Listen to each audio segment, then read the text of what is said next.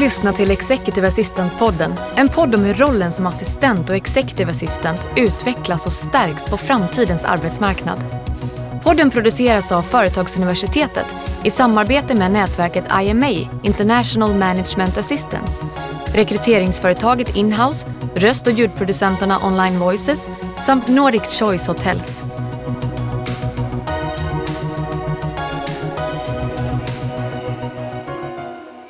Välkommen till Executive Assistant-podden där vi pratar med världens bästa kollegor om världens bästa jobb. Jag heter Daniel Kjellson och idag sitter jag här tillsammans med Elena Eilert, Vice President Global Employee Experience på Oriflame. Välkommen Elena! Tack så mycket, hej! Tack, tack! Tack för att du tog dig tid att vara här idag. Ja, absolut.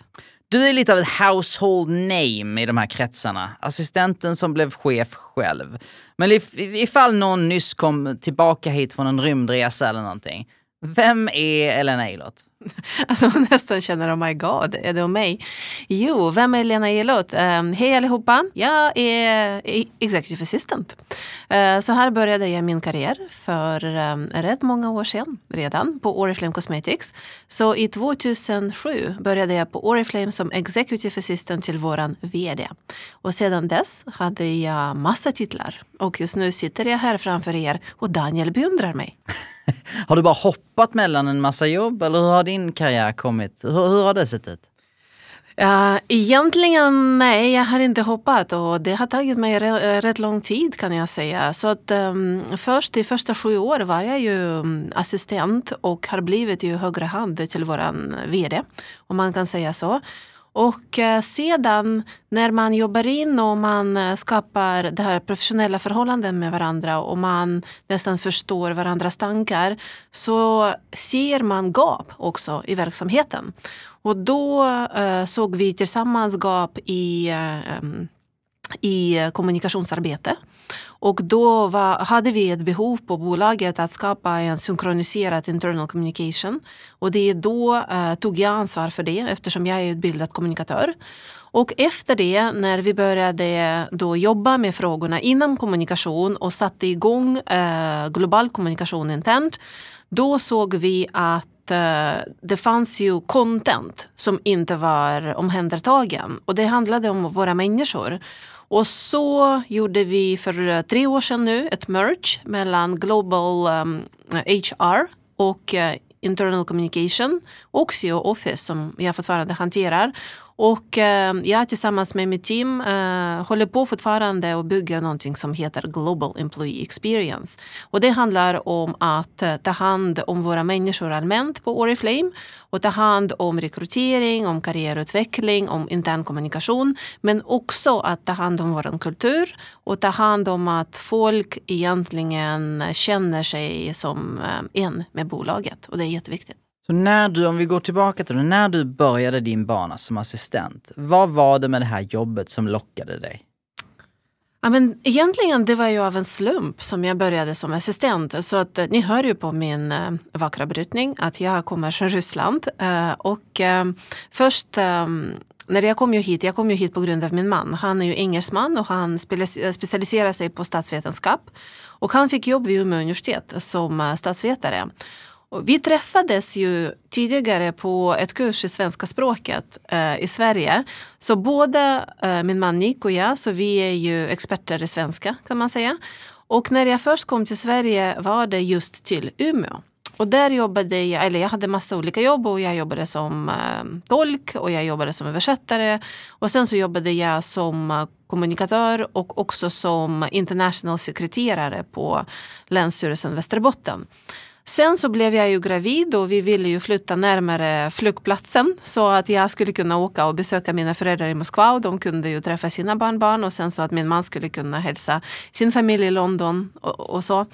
Och då när vi flyttade till Stockholm så sökte jag massa olika jobb. Och det var ju svårt eftersom när man är från Ryssland och man är eh, utbildad i eh, humaniora är det rätt svårt att konkurrera ju, eller hur? Så att eh, jag kommer ihåg som idag att jag gick in på Arbetsförmedlingen eh, varje dag och skrev in ryska i sökfältet. Och då fick jag ju upp den här tjänsten och då behövdes ju executive assistant till vd på Oriflame Cosmetics som kunde prata ryska. Så det egentligen, det var slumpen. Men sen så, jag var ju lite rädd av det här yrket eftersom man hör ju från kompisar att de där vdarna, de kan vara galna. Jag kommer ihåg det kan att, de vara. Ja, eller hur? Alltså jag kommer ihåg att någon berättade någon historia att någon vd liksom skrek högt eller liksom så här, uh, jag vet inte, slogs med skorna eller någonting. Men jag tror att det var bara sådana urban myths uh, i gamla Ryssland. Men jag egentligen, så jag kollade upp det, uh, den här vdn ju på nätet och jag ju, så min vd heter Magnus Brännström. Så att jag ju googlade honom, jag såg ju massor Youtube-videos och Oriflame var också superkänd i Ryssland Tyskland så att jag kände ju uh, Oriflame som um, kosmetikavarumärke. Så att det som jag såg på nätet uh, och uh, Oriflame brand det lockade mig att söka jobbet och jag tänkte att jag är ju utbildad kommunikatör. Jag vill jobba i privatsfär i eh, Sverige. Jag vill lära mig om hur man gör business det här är ju bästa rollen. Så det är så jag sökte. Och plus, som cherry on the cake, det var ju ryska som behövdes. Vad, om du tittar tillbaka på det nu, var rollen det som du hoppades att den skulle vara? Nej, inte alls. Jag måste säga att jag var ju redo att säga upp mig och grät jättemycket min första vecka på mm, jobbet.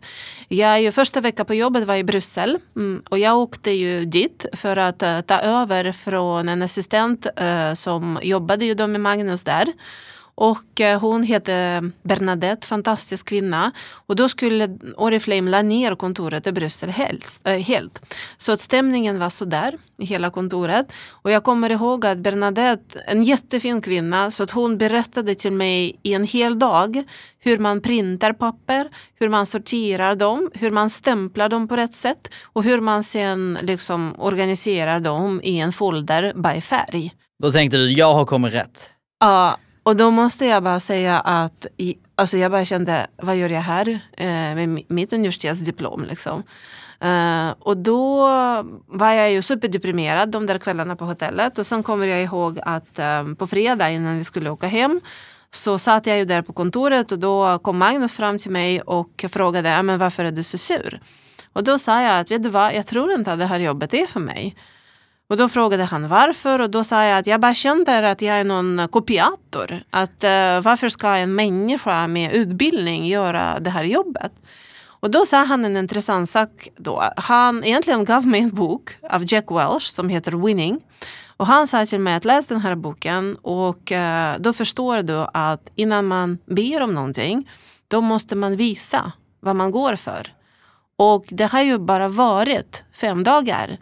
Och jag är ju redo att ge dig massa jobb, men du måste visa först vad du går för.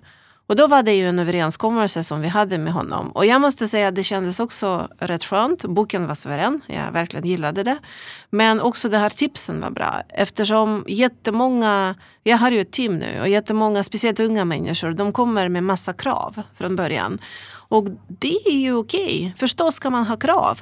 Men det är ju jättesvårt att erbjuda någonting till en person när man inte vet personen och vet inte vad personen är kapabel eh, av.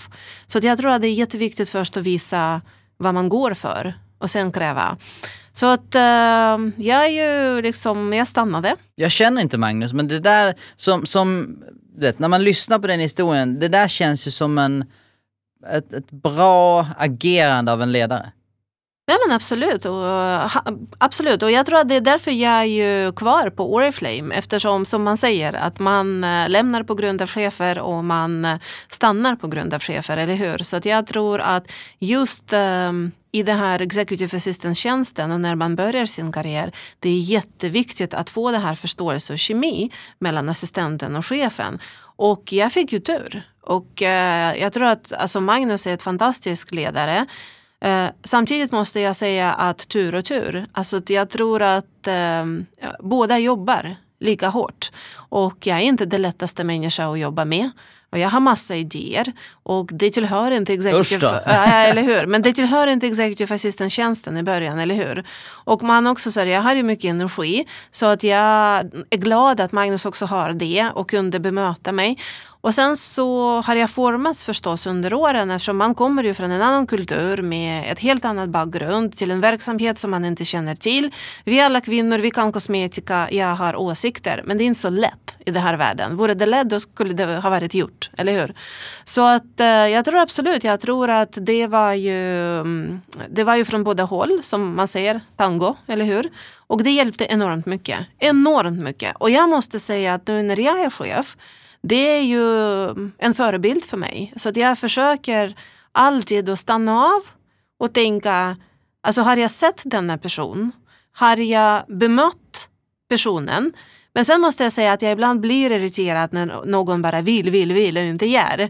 Men jag försöker också tänka hur Magnus hanterade mig och då försöker jag lugna ner och också hantera de där frågorna. Så att, uh, jag lärde mig mycket, absolut. Det är ett intressant perspektiv. Jag menar, du måste ju vara en superresurs för en, en ung executive assistant som börjar jobba nu. Om du tänker tillbaka på de där fem dagarna innan du, du vill förändra bolaget. Eh, men det är en påminnelse för att vi pratar alla mycket om hur en, en, en assistent kommer vara i framtiden, eh, hur en executive assistant blir mer strategisk och sådär. Och så ibland glömmer vi lite av den här vikten av att göra the basics, det fundamentala. Också vikten av liksom, att investera i relationen och i förståelsen. Absolut, och det är det viktigaste. Och jag tror att eh, det här med strategiska, eh, man hör ju så ofta. Och saken är att eh, jag tror att det finns ett missförstånd där. Du kan inte komma till jobbet och säga att jag vill ha ett strategiskt arbete och mena att du ska göra jobbet istället för din chef. Eller hur? Eftersom du har ju en VD och VD är anställd där för att göra strategi för bolaget. Det är det som styrelsen har sagt till honom eller henne att göra. Men jag tror att eh, det som vi eh, kan göra eh, eller vi, jag säger executive assistants kan göra, är att eh, man um, man, är, man approachar eller man har tillgång till sitt jobb och sina uppgifter från ett strategiskt perspektiv. Så till exempel att man kan ju göra saker dag efter dag utan att fråga sig varför jag gör dem där. Det är bara att någon har sagt så. Eller jag kan ju försöka att se röda trådet och tänka, jaha, det här är en upprepande sak. Men behöver jag göra samma sak varje dag på samma sätt? Eller kan jag effektivisera det på något sätt. Eller kan jag bygga relation med till exempel travel agency så att de gör de där sakerna istället för mig och jag frigör tid för att göra någon, någonting annat. Eller till exempel när man tar kalender eh, av sin executive, man tittar på det och man ser okej, okay, vilka är upprepande möten? Men kan jag ju vara proaktiv och boka allt på förhand och få bra priser eller ifrågasätta varför träffas ni på de där platserna där till när till exempel stora, mm, jag vet inte, evenemang för bolaget pågår i en annan plats. Så att jag tror att om man har en sån approach, då blir man strategisk och då är det en, ett annorlunda strategi än bolagets strategi. Men det är ingen fara eftersom då blir det din strategi. Och det är ingen som kan ta det från dig och det för det kommer du att bli uppskattad. Mm. Och det är jätteviktigt. Mm. Nej precis, det handlar inte om att när vi pratar om, om rollen framåt, om att man nödvändigtvis slutar göra vissa saker för att istället bara göra andra saker. Utan det handlar liksom om att växa och göra saker på ett bättre sätt. Men jag tror att livet är inte så enkelt. Om du tänker på lärande som vi pratar om här idag, eller hur? Det är inte så att du lär dig grejer och sen så lär du dig nya grejer men gamla grejer glömmer du, eller hur? Så du skapar bas och sen så avancerar du. Jag tror att det finns ju olika eh, tillfällen. Jag tror att ibland byter man jobb helt. Så till exempel man jobbar som executive assistant och sen så blir man, jag vet inte, proff, proffs i marketing. Förstås behåller du inte arbetsuppgifter då. Men om du fortsätter i samma bana och du väljer att fortfarande bli delaktig eh, med executive committee eller med executives men också att utvidga dig och få nya ansvar.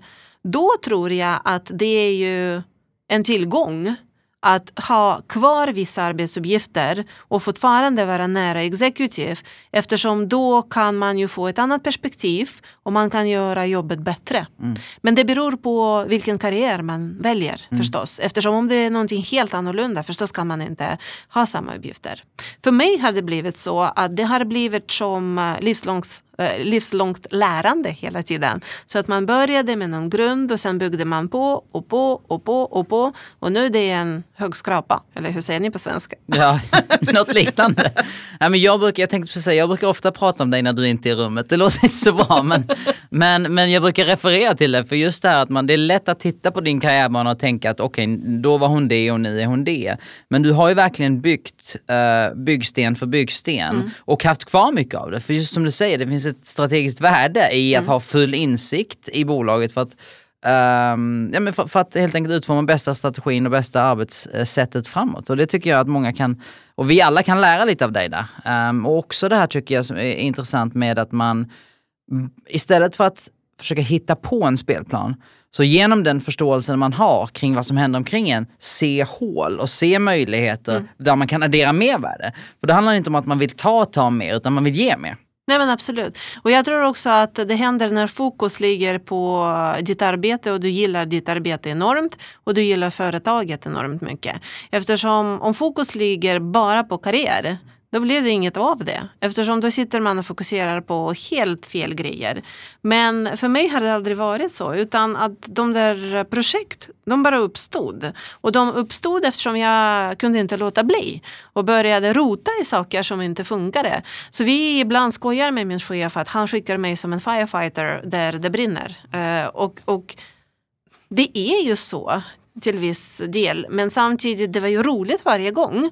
Och varje gång kunde man se en resultat och eh, kanske mm, en ny verksamhet. Och eh, också att jag kunde ju då utvidga eh, mitt arbete och växa på det. Så att, eh, det uppskattar jag enormt. Men samtidigt att det här professionella relationer med min, relation med min manager och att jag är ju med eh, på bolagets viktiga beslut och jag vet hur han fungerar, hur hans kalender fungerar.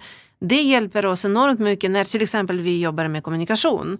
Eftersom han behöver inte briefa mig en extra gång eller han behöver inte berätta till mig varför och hur ska vi göra. Utan att jag är där när det behövs på grund av att jag hjälper honom. Och också på grund av mitt nya jobb, men jättemycket på grund av att jag hjälper honom. Och då kan jag ju göra andra av mina arbetsuppgifter på ett bättre sätt. Och det hjälper. Mm. Så det är rättvist att säga att du har inte, det har inte funnits någon tioårig läroplan för dig där du har satt åt nej, nej, nej, nej. Och egentligen om du har frågat mig för många år sedan, jag skulle säga att oh my god, alltså det händer ingenting i min karriär eftersom så att jag är ju bara vanlig person och jag, och vet du, jag kommer från Ryssland och vi är en sån growth market så där vill man ju ha nya tjänster varje, varje dag nästan för att uh, alltså, imponera alla sina kompisar. Mm. Och det har inte hänt mig. Om ni tänker att jag har ju haft min tjänst i första sju år utan någon förändring. Dock jag växte på bredden hela tiden och tog ju nya projekt. Men det bara reflekterades inte i någon titel. Men sen så började det liksom knacka vi hade ju kläderna. Eftersom det har blivit för mycket och då behövde jag ju extra personal för att utföra mitt jobb. Och då har det börjat en riktig så här externt framgång. Men annars eh, uppväxten den har ju varit hela tiden. Och det är därför jag är kvar måste jag säga. Eftersom, eh, så att jag, kände, jag kände utveckling. Mm. Och det var ju viktigt för mig. Ja. Och jag tror många kan relatera till det, att man kanske sitter på, på sitt jobb och så känner man att men jag skulle ju kunna göra det och jag får aldrig något roligt projekt här. Och så Vem är egentligen ansvarig för att man utvecklas på jobbet? Precis, mitt svar på det är att om du skulle kunna göra det, varför sitter du här och pratar om det istället för att göra det? Vem är ansvarig? Det är ju jag som är ansvarig, eller hur? Och det är ju jätteviktigt att förstå eftersom först och främst andra personerna, de kan inte läsa dina tankar. Det är ingen vet vad du sitter och drömmer om. Du måste ju gå och berätta. Men sen så när du berättar så det är inte bara att eh, namnge saken utan vad kommer du att göra åt detta? Och jag tror att det är också någonting jag har lärt eh, från eh, mitt bolag och från våra grundare och från min chef. Eh, vi är ju rätt öppna för olika idéer. Har man en idé eller man säger att nej det här går inte så då istället för att lyssna på det och sen så någon går och agerar på det här feedback. Våran fråga hela tiden är okej, okay, vad är ditt förslag? Det här är mitt förslag. Gå och gör det. När kan du bli klar? Och jag tror att det är ett rätt approach egentligen eftersom då tar man ett ansvar för sig själv och för sina idéer. Eftersom ibland kritiserar folk rätt mycket, eller hur? Och klagar på grejer. Men sen egentligen de är inte redo att agera. Här kunde man ju agera. Så tillbaka till din fråga, vems ansvar är det? Det är ditt ansvar och då kanske ska du fråga dig varför har du inte agerat än så länge? Om man ska börja rita upp den kartan, så okej nej, det, har jag inte, det där har jag inte skött. Men nu vill jag göra det. Um, jag vill hitta ett nytt projekt eller uh, vad, vad börjar jag rota? Du sa att du, du rotade runt mycket sa du. Hur börjar jag rota? Nej, men jag tror att det är ju att, förstå, att försöka att förstå vad håller din chef med? Så att vad, hur fungerar verksamheten? Det här är ju klassiska story, jag tror att jag har berättat det hundra gånger. Men det var ju två saker som gav mig mest. Och det första är att läsa allt jag printar. Bara allt, allt, allt, allt, allt. Du får ju massa mails. Jag vet att printa är inte så bra, så kanske nu för tiden printar man inte. Men ni kommer att få mails ändå för att skapa briefs för executive. Läs de där mails noggrant innan ni bara kopierar och klistrar för att skapa briefs.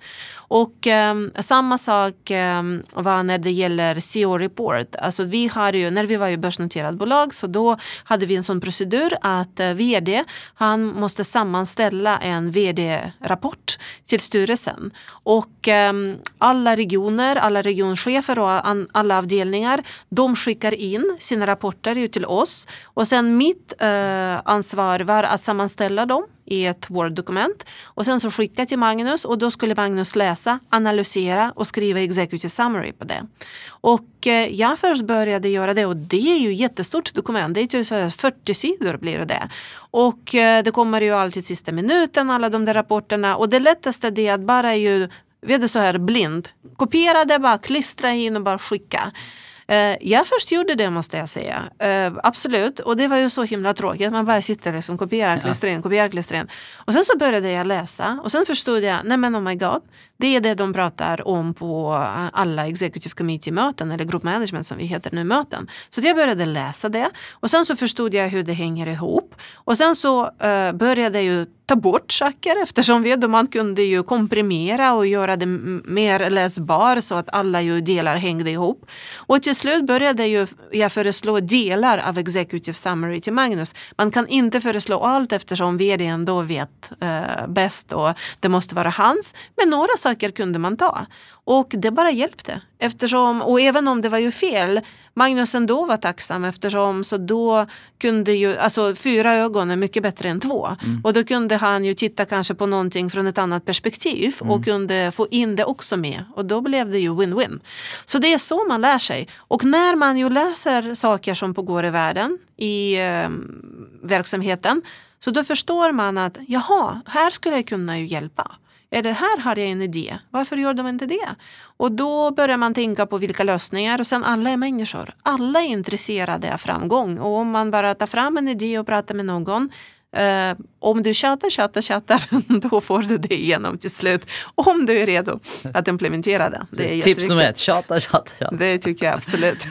om, du skulle, om du skulle byta karriärbana och coacha Eh, Eh, executives och executive assistants i deras relation. Liksom. För jag, jag, tänker, jag, jag, tänker hela tiden att ni har haft en så framgångsrik relation, uh, du och Magnus. Uh, hur, hur skulle du coacha den typen av professionella relation till att fungera bättre? Liksom? Vad är byggstenarna i en framgångsrik relation? Jag tror att uh, att börja med måste man förstå varför ska man ha executive assistant. Så som manager man måste ha det klart för sig vad vill jag delegera? Och jag tror att det är det svåraste som jag ser just nu och har sett eh, genom min karriär. Eh, att det är ju en hin ett hinder eh, när det gäller relation mellan executive assistant och en executive. Um, rätt, rätt ofta, och varför säger jag rätt ofta? Eftersom jag träffar ju rätt många unga executives både hos uh, mig på mitt bolag men också alltså, bara här uh, i Sverige. Och man ser ju att man är rätt van att sköta sina saker själv. Och sen så att man prioriterar inte tiden för att ge brief och att förklara vad egentligen man vill ha. Och då blir det ju en krångel mellan executive assistant och en manager och sen funkar det inte. Så först och främst, varför ska du ha executive assistant? Ska du ha executive assistant överhuvudtaget? Är det bara Siri du behöver, då kanske ska du bara använda Siri. Men är du öppen för förslag? Är du öppen att uh, göra om ditt arbetsstil? Är du öppen för att ha den här högra handen? Då tycker jag ska du ha eh, executive assistant. Och inte alla är mogna för det. Och det är bara så. Så det är det första. Samma sak för executive assistant. Varför vill du vara executive assistant? Och är du redo att hjälpa med allt? Eftersom rätt ofta hör man att ah, men det här är inte mitt. Jag ska ju göra bara executive assistant eh, tasks. Vilka är de? Och vem har sagt att de där är bara executive assistant tasks? Och varför heter du executive assistant och inte till exempel secretary bara? Så att jag tror att här är det ett jättestor gap. Jag tror att man måste vara superöppen. Väljer man det här yrket, då är det nästan att varje morgon, vad kommer jag att lära mig idag? Som är helt nytt, som är scary, men jag kommer att hantera det. Så har man sån approach, då är man öppen. Då kommer ju man ta in varje uppgift med öppna händer kan man säga. Och sen så efter det måste det vara personkemi. Det bara måste vara. Alltså några människor går inte ihop. Och det är bara så. Tyvärr eller lyckligtvis. Så att eh, man kan säga att jaha, det är inte objektivt. Ja, det är ju inte. Man måste fungera ihop. Men då är min fråga om en manager skapar ett team. Det är ju samma sak, eller hur? Folk måste kunna fungera med sin manager. Och fungerar inte det, det är ingen som vill misslyckas, eller hur? Så då kommer ju det ta slut på något sätt. Och det är ju livet. Så här är ju samma sak. Men här är det även mer intensivt eftersom ni kommer att prata med varandra hela tiden. Ni kommer att ha telefonsamtal, det kommer att uppstå krissituationer. Och här är det det viktigaste. När det är en krissituation som uppstår, är ni redo att droppa allt och hjälpa? Och sen så vara med på beslut, vara med på beslut som kanske ni inte gillar men måste förstå och begripa och förstå varför man tar sådana beslut och sen så supportera dem eftersom det är en del av det och ditt bolag. Så att jag tror att det är där det ligger att människor måste gilla varandra. Det är jätte, jätteviktigt att, att, att gå ihop. Så att jag tror att de där tre sakerna, så att executive måste veta vad man vill. Executive assistant ska vara öppen och ska vara redo att verkligen hjälpa med executive tasks. Och sen så personkemi, superviktigt. Och det här är svåra saker, det här är inga lätta quick fixes. Jag menar, för jag menar, Um, nu ska jag göra någonting som är farligt och det är att stå här och tro saker om dig till dig. um, men jag menar, vi har pratat sporadiskt under ett par år yeah. och, och jag uppfattar som att även om du, du kan ju allt det här, du har varit assistent och så du har rört dig upp och nu är du eh, executive själv. Men när du jobbar med och började jobba med assistenter först, då fick du väl lite lära om den relationen, eller hur? Att, just att det här att delegera, vad delegerar jag, hur fungerar Så uppfattade jag det i alla fall när jag pratade med dig. Absolut, och jag är fortfarande inte där. Eftersom jag fortfarande är inte executive som tycker att jag behöver executive assistant.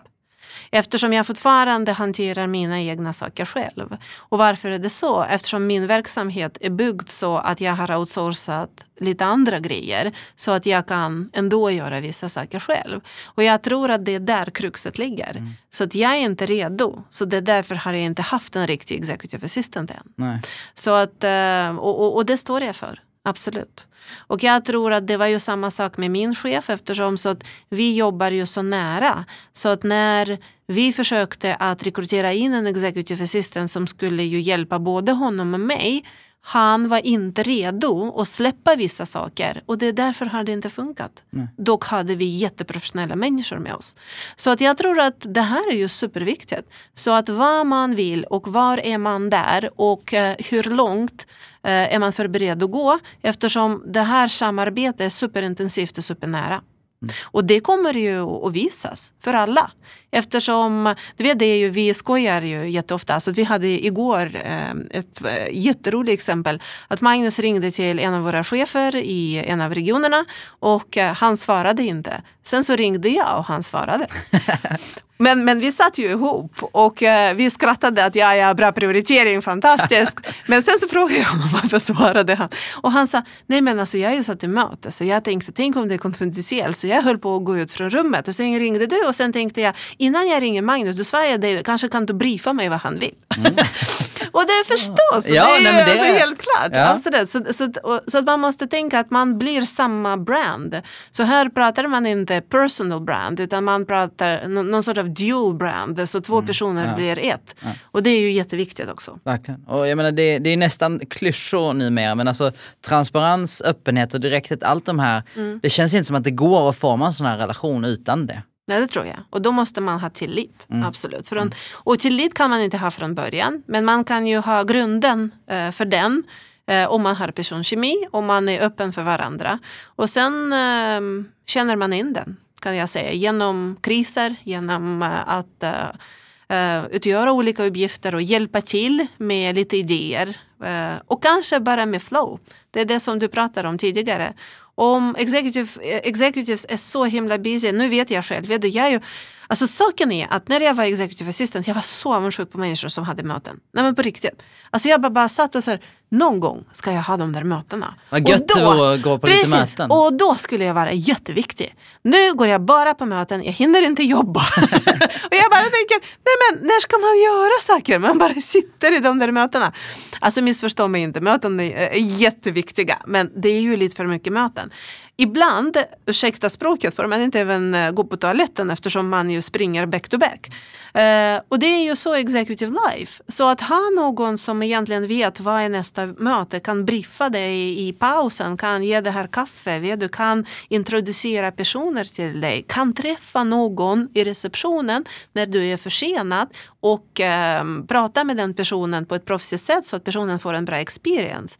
Alltså det är mycket värd. Eftersom det skapar ju det här flow och det ju stödjer din egen personliga varumärke. Och det är jätteviktigt. Du, du refererar till flow, vad är flow för någonting och hur har du jobbat med att bygga flow? Alltså flow det är så här att ehm, du vet att om, om man kan ju ta till exempel IT som exempel. Så att du får en dator, du får en telefon på jobbet och eh, du förväntar att det ska bara funka. Och du ringer ju väl inte IT och säger tack varje dag att du har en dator och du har en telefon, eller hur? Eh, utan när ringer du IT? Du ringer när någonting går sönder. Eller hur? Och då säger du hjälp mig. Vilket betyder att eh, flow har knäckt. Så att flow det är att när all din vardag fungerar utan problem. Så the flow det är ju typ att det är, det är ett glöd i vardagen. Och det är det som eh, är superviktigt att skapa för executives. Eftersom om vardagen eh, glöder, kan man säga så på svenska? Jag vet inte, alltså gl- glider eller vad Glider eller whatever. precis. När det finns en flow, precis. Ja. Så då allt fungerar. Så att vet du, jag kommer till jobbet och jag vet vilka mina möten. Möten är i tid. Sen ska jag resa, taxin är där. Jag har ju alla dokument med mig. Någon har checkat in mig. Jag vet ju var alla papper är. Jag kommer ju dit och planet är försenat. Men jag får veta om det redan i bilen så att jag behöver inte stressa mig. Sen så kommer jag dit och eller det är en taxi som väntar eller någon som väntar och tar emot mig i ett annat land och sen så hotellet finns där och jag, jag, jag bara ska inte tänka på de där sakerna eftersom då hinner man när man är i taxi eller på tåget eller på flyget då hinner man beta av sina e-mails till exempel eller ta viktiga beslut, gå igenom nya idéer. Man kan ju jobba produktivt istället för att gå och oroa för vardagen kan man säga. Och det här är ju en um, om man pratar engelska, elevation of experience. Och den här flow ger en elevation of experience eftersom man kan ju plötsligt fokusera på det man ska egentligen fokusera eh, på och man får betalt för. Istället för att eh, slösa tid med att eh, boka om taxi eller ringa restauranger och så vidare. Så att, och det är därför executives kallas executives. Sen så frågan är, kan man göra allt det här själv? Förstås kan man göra det. Och det gör ju man ju hemma, eller hur? Men det tar tid. Så att frågan är hur prioriterar man tiden? Ja, för Eh, företaget, jag menar vd-löner idag versus vad vd lägger tid på. Det är jätteviktiga frågor. Nej men absolut. Och saken är, och, och igen, så att eh, det passar inte alla. Men om man väljer ha ett sådant samarbete, då är det viktigt att flow funkar. Eftersom finns det gapar i det här flow, då är det är det inte värt att ha någon executive assistant, eller hur? Eftersom då måste man ju hantera de där gap själv. Och då, vad är det för värde i det här? Så det är därför flow är viktigt. Eftersom om man, om, om man tänker sig om dagen kan fungera som dator som aldrig går sönder, då är det där. Så om vi säger att vi har löst flow och glöd och glid och allting. um, och vi har det operational, liksom, dags, dags, de, dagsgrejerna lösta. Om vi tittar framåt, om jag vill, vill bygga min kompetens, vad gör dig exalterad när du tittar på liksom, arbetsmarknaden idag, future skills? Om vi, om, vi, om vi ger oss lyxen att tänka på de där lite mer strategiska kunskaperna, vad, vad gör dig exalterad? Jag tror att vi har haft det här samtalet med dig tidigare. Alltså jag tror inte att man kan bara lära sig någonting bara för att lära sig. Alltså det måste vara något nytta eller jag kallar det deficit. Så att det måste få, för att trigga lärande måste man ju ha något uppgift att lösa eller något problem eh, som skapar deficit av eh, lärdom och då vill du söka den. Så att jag tror att eh, det är mest att våga ta utmanande tasks. Det är ju våga gå på nya grunder och sen så får du ett nytt uppgift som du måste ju lösa. Så då börjar man läsa böcker, titta på Youtube, lyssna på TED-talks och då kommer lärande. Och då kommer ju du lära dig och sen applicera det på en gång. Och det är bara genom applikation Eh, av det du lärt dig får du skills. Så det är så jag har alltid sett det och jag tror att det är det enda som gäller, annars hinner man inte. Sen kan man ju ha det som hobby och bara gå på några kurser och liksom, um, jag vet inte, vet du, sådana allmänna föreläsningar och det är alltid roligt eftersom jag måste säga så här att du vet aldrig vad du hör och hur det kan hjälpa dig. Men det är mer långsammare väg. Det är ju mer inspiration. Men om du verkligen vill lära dig någonting, då tror jag det är genom att ha praktik i någonting och ha behov och ha det här deficit. Så söka nya projekt, söka nya ansvar och på så sätt få ett underskott av mm. kunskap som man måste fixa. Absolut. Jag kan berätta om uh, senaste exempel.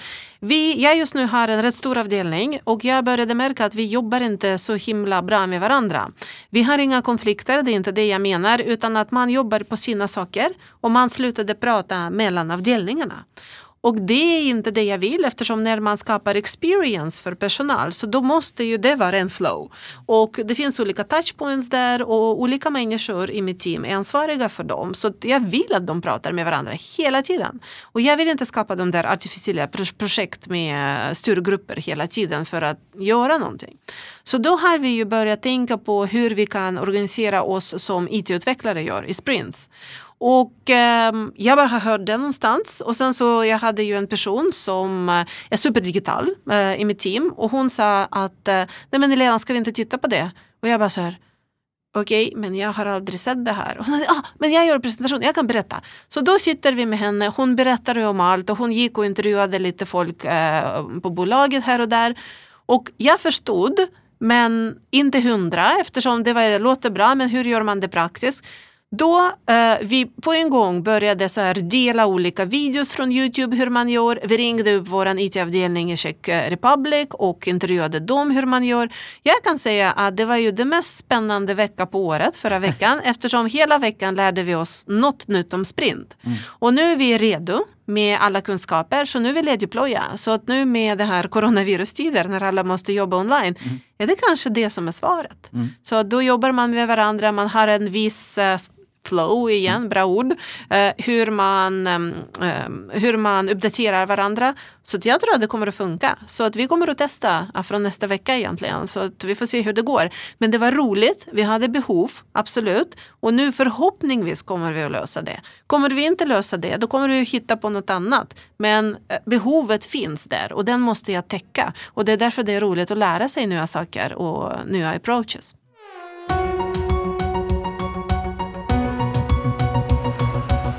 Vad är det roligaste med det här jobbet överhuvudtaget? Eh, vilket av dem? kan ta en sak per jobb du har. Det är vi här hela dagen. Vad är roligast? Det är människor som är roligast. Eh, det är ju, har alltid varit så eftersom när man jobbar som executive assistant man får träffa så många människor som um, gatekeeper uh, till en CEO. Men sen jag tror att det kommer ju en tid när folk vill träffa dig och inte bara CEO. Och jag tror att eh, det är det som blir roligt. Och man hör ju olika stories och man, eh, man blir involverad eh, och man skapar relationer. Och samma sak nu när jag är ansvarig för människor och att få förtroende, att få höra deras berättelser, att få bidra till deras utveckling men också att skapa dynamik och att de vill. Så att de vill lyckas, att de vill uppnå saker. Det är det som är roligast. Elena Eilert, vi är alla väldigt tacksamma till att du bidrar till vår utveckling. Eh, och stort tack för att du tog dig tid att vara här. Tack så mycket. Alltid roligt. Du har lyssnat till Executive Assistant-podden producerad av Företagsuniversitetet i samarbete med IMA, International Management Assistance, Inhouse, Online Voices och Nordic Choice Hotels.